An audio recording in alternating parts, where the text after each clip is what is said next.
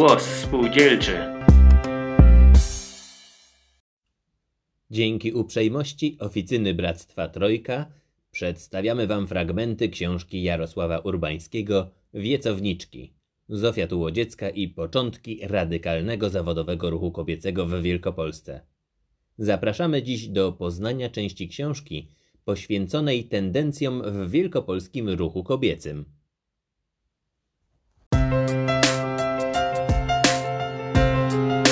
Głos spółdzielczy.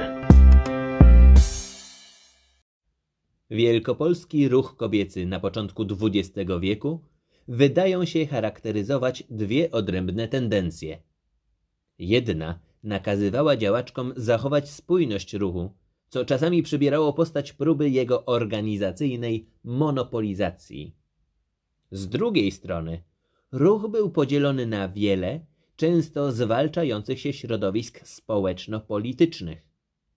Obok nurtu socjalnego i emancypacyjnego, w wielkopolskim ruchu kobiecym istniał także nurt stricte konserwatywno-narodowy, którego animatorkami były przeważnie przedstawicielki elit ziemiańskich.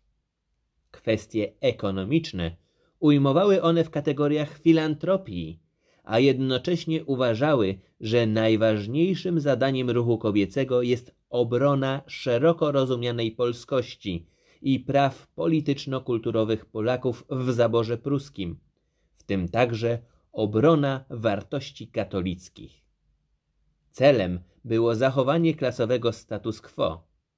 Tak skrojony program ruchu nie mógł zadowolić kobiet pracujących związanych z poznańskim drobnomieszczaństwem i włościaństwem.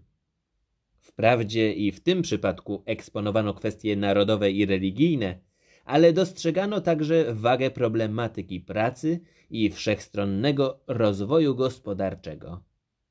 Nurt ten przejawiał dążenie do modernizacji regionu i przezwyciężenia korzystnego dla ziemiaństwa impasu związanego z monokulturą agrarną. Tak jak ziemiaństwo i jego klientela, broniąc się przed presją niemieckiej konkurencji ziemskiej, tak też przedstawiciele i przedstawicielki drobnej własności starali się wykorzystać hasła narodowe dla obrony swoich specyficznych interesów ekonomicznych. Widać to szczególnie na przykładzie forsowania koncepcji ścisłego podziału narodowościowego w handlu i rzemiośle, w myśl zasady swój do swego, czyli Polacy kupują w polskich składach, Niemcy w niemieckich, Żydzi w żydowskich.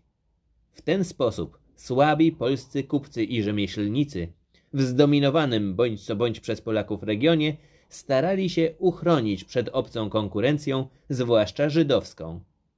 Antysemityzm był jedną z silnych cech tego nurtu, bliskiego narodowej demokracji, endecji. Wreszcie istniał nurt reprezentujący pracownice najemne o charakterze, który odpowiadał specyfice rozproszonego wielkopolskiego